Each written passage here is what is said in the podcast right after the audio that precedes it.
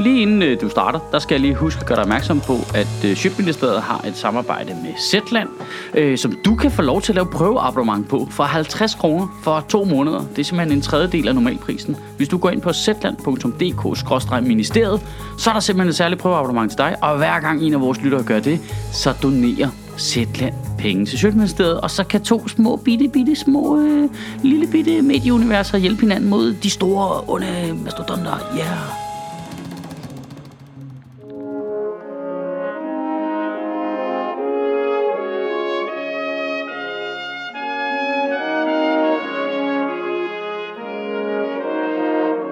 Goddag.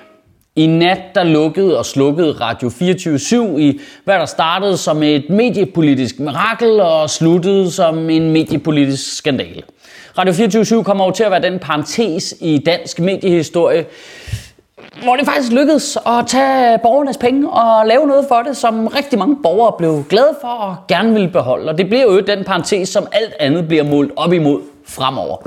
Øhm, ja, altså, det kunne på en eller anden mystisk måde ikke rigtig være endt bedre. Jo. Det, er jo, det er jo martyrdøden. Nu kan vi alle sammen gå og fantasere om, hvor dejligt det ville have været, hvis de fortsatte, og hvor godt det så var blevet. Og vi kan huske tilbage på alle de gode ting, man glemmer de dårlige ting. Det er ligesom Kasper Mandrill-aftalen, ikke? Man husker kun, at det var genialt. Det, det, altså, den korte radiovis ender jo som det satireprogram, som politikerne ville lukke, fordi de simpelthen bare ikke kunne tåle, at de var efter dem. Det, det er jo perfekt for et satireprogram. Det, det kunne stort set ikke være endt bedre jo. Den eneste måde, det kunne være endt bedre på, det var var, hvis Kim Christiansen havde klædt sig ud som et postbud og var mødt op til Frederik Silius' dør og prøvet at skyde ham. Åh nøj, hvor skal borgerlige politikere, der begræder Radio 24-7 Sportgang, lige til at lukke røven i det til uset omfang, mand. Hold kæft, det er provokerende. Det der med, at de selv har spændt ben for dem, fordi de bare gerne vil please Christian Thulsen Dahl, der gerne vil have en radio, hvor der er nogen, der taler jysk, eller hvad fuck det var, det gik ud på. Nå, det, det bliver jeg super provokeret af. Det der med Morten Messerschmidt, der bare er ude på Facebook fire minutter efter valget og siger, så er det nu, der skal slås til, hvis vi skal redde Radio 24-7. Hvad? Hvad? Det var dig selv, der har slået med ihjel, jo, mand. Du kan da ikke bare gå ind og skyde nogen, når de falder døde om, være sådan lidt, why? Jamen, det var da fordi, du trykkede på aftrækkeren, din fede idiot, mand. Men Michael, er du ikke bare irriteret over, at med alle de arbejdsløse journalister, der kommer til at gå rundt, så bliver det ikke til at få et bord på Granola på Værndomsvej? Jo, det skal jeg da ikke afvise, at det spiller ind. Men faktisk det, der provokerer mig allermest, det er ligesom den der mangel på forståelse for, når noget kreativt lykkedes. Altså det er som om, vi slet ikke har den faktor med inden. Altså det er, det er jo vigtigt lige at have kontekst med, at langt de fleste medier i Danmark virker ikke. Altså de har ikke en profil. De har ikke noget opmærksomhed. De, de har ikke 10 gode programmer ud af 30. De har lorteprogrammer. De har de samme to idéer, som de gentager igen og igen, eller køber noget fra udlandet.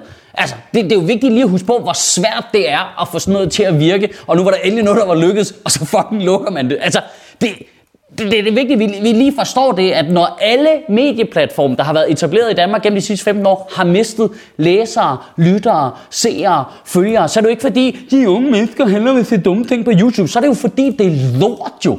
Det er jo for forpulet, super duper lort, det meste af det, der bliver lavet. Altså, det er lavet af lorte mennesker til lorte mennesker, og vi bliver alle sammen til nogle kæmpe store lorte af at se på det. Så det er fandme frustrerende, når der egentlig er nogen, der laver noget ordentligt, at man ikke respekterer, hey, det var ikke lort. Det irriterer mig virkelig ud fra sådan et, øh, jeg ved ikke, man skal sige, næsten sådan et kunstnerisk niveau, at det virker som om, at der er ingen, der har respekt for, hvor vildt det var, at det lykkedes at få Michael Bertelsen og Mads Brygger til at lave den radio.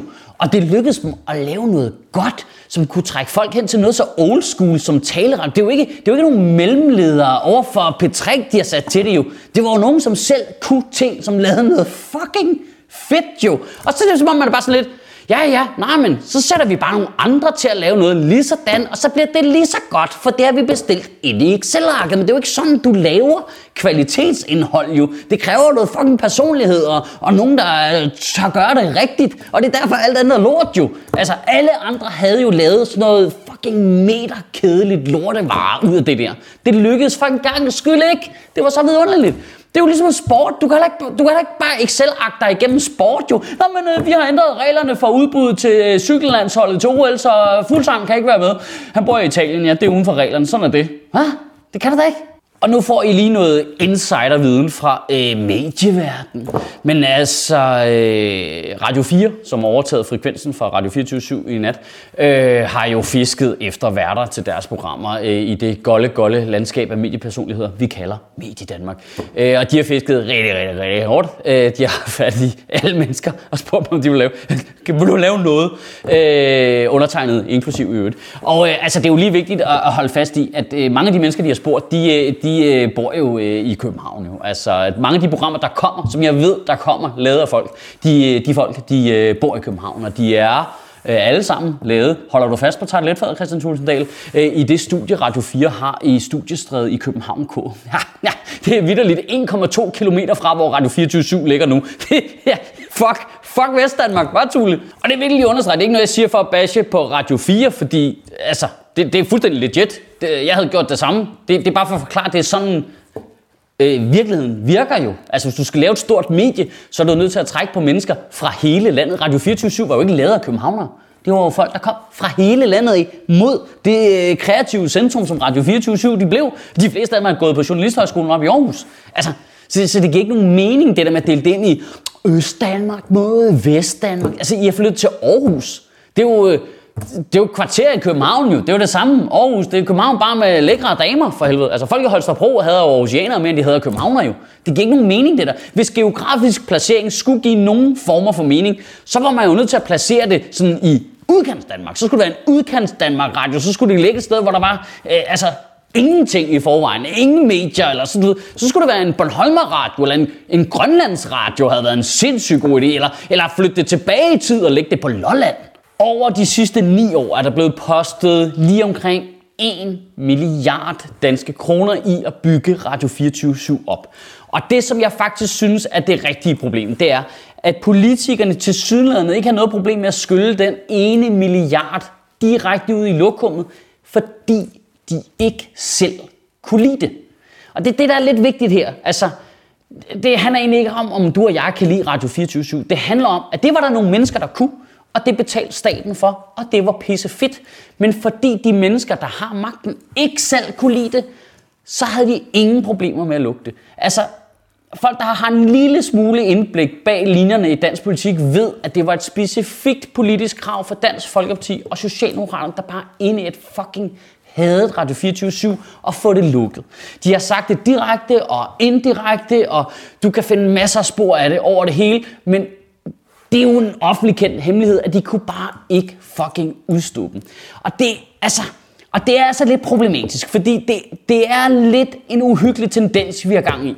Der går en lige linje hen til statsminister Mette Frederiksen, der ikke vil klappe øh, den danske forfatter Jonas Eikas, der får øh, Nordisk Pris, Litteraturpris, og i sin tale kritiserer statsministeren. Altså det er sådan en ekstremistisk mangel på frisind, at man ikke engang ligesom kan sætte sig ud over sig selv og acceptere, at der er nogle andre, der har en anden holdning. Det, det, det, det er noget, der ligger i tiden. Altså, det, det, er sådan en, det er sådan ligesom den anden halvdel af det der med, at nogen er krænkelsesparate og kaster sig over hvad som helst, og så er der nogen, de vil ikke acceptere selv den mindste form for kritik.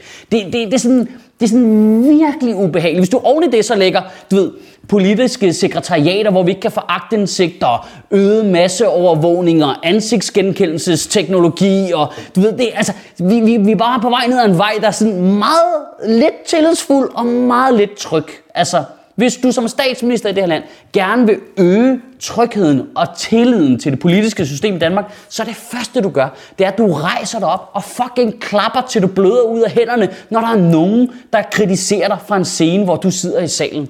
For så bliver vi altså alle sammen trygge. Du krammer det ud. Du, du øh, omfavner al kritikken, og så siger du til dem, fuck hvor er det fedt, at vi bor i et land, hvor du kan sige den slags ting. Er det ikke vidunderligt? For så bliver vi alle sammen trygge og rolige og få tillid til hinanden. Men det var ikke det, man valgte at gøre. Man valgte at finde en, øh, du ved, en flok minions fra længere nede i hierarkiet og bare sende dem ud i medierne og angribe Radio 24 og Jonas Eikas alt, hvad man kunne. Jeg seriøst prøv at lægge mærke til, hvor mange socialdemokrater du aldrig har hørt om før, der lige pludselig har en klumme du ved, i en avis, hvor de skriver et eller andet grimt om Radio 24 /7. Det er jo helt åbenlyst en tilrettelagt kampagne. Det er fuldstændig fucking åbenlyst. Og så sidder du måske derude og spørger, jamen hvad er egentlig problemet med det? Jamen problemet er, at hvis man er så ømtålig, at man bare har en kæmpe kanon, man retter mod folk, man ikke kan lide, så har vi et problem. Altså, hvis, hvis du bliver sur over en klarinetspiller i dametøj, der gør nar af dig, så er der bare ikke ligesom nogen nede at bare for, altså hvornår den kanon, den ligesom peger på nogle andre. Så er det noget med, at der er nok forkerte mennesker i Socialdemokratiet, der skal se den her video blive sur på mig, og så retter de bare kanonen herover. Bang! Kan du have en rigtig god uge og bevare min bare røv. Nej, prøv lige at se, det er Zetlands logo, der kommer hoppende der. Øh, det fungerer faktisk sådan, at hvis du har lyst til at oprette et prøveabonnement, så kan du få et i to måneder for 50 kroner. Det er faktisk billigt. Og hver gang en af jer gør det, så donerer Zetland til Sjøtministeriet. Du kan gøre det inde på zetland.dk-ministeriet. Sjøtministeriet lever af dine donationer. På tier.dk kan du oprette et donationsabonnement, hvor du giver lige præcis det beløb, du har lyst til. Og så kan vi lave flere interviews på Nørrebro Teater, flere taler, sende Sofie Flygt mere på gaden. Og hvis ikke du gør det, så er du en big and.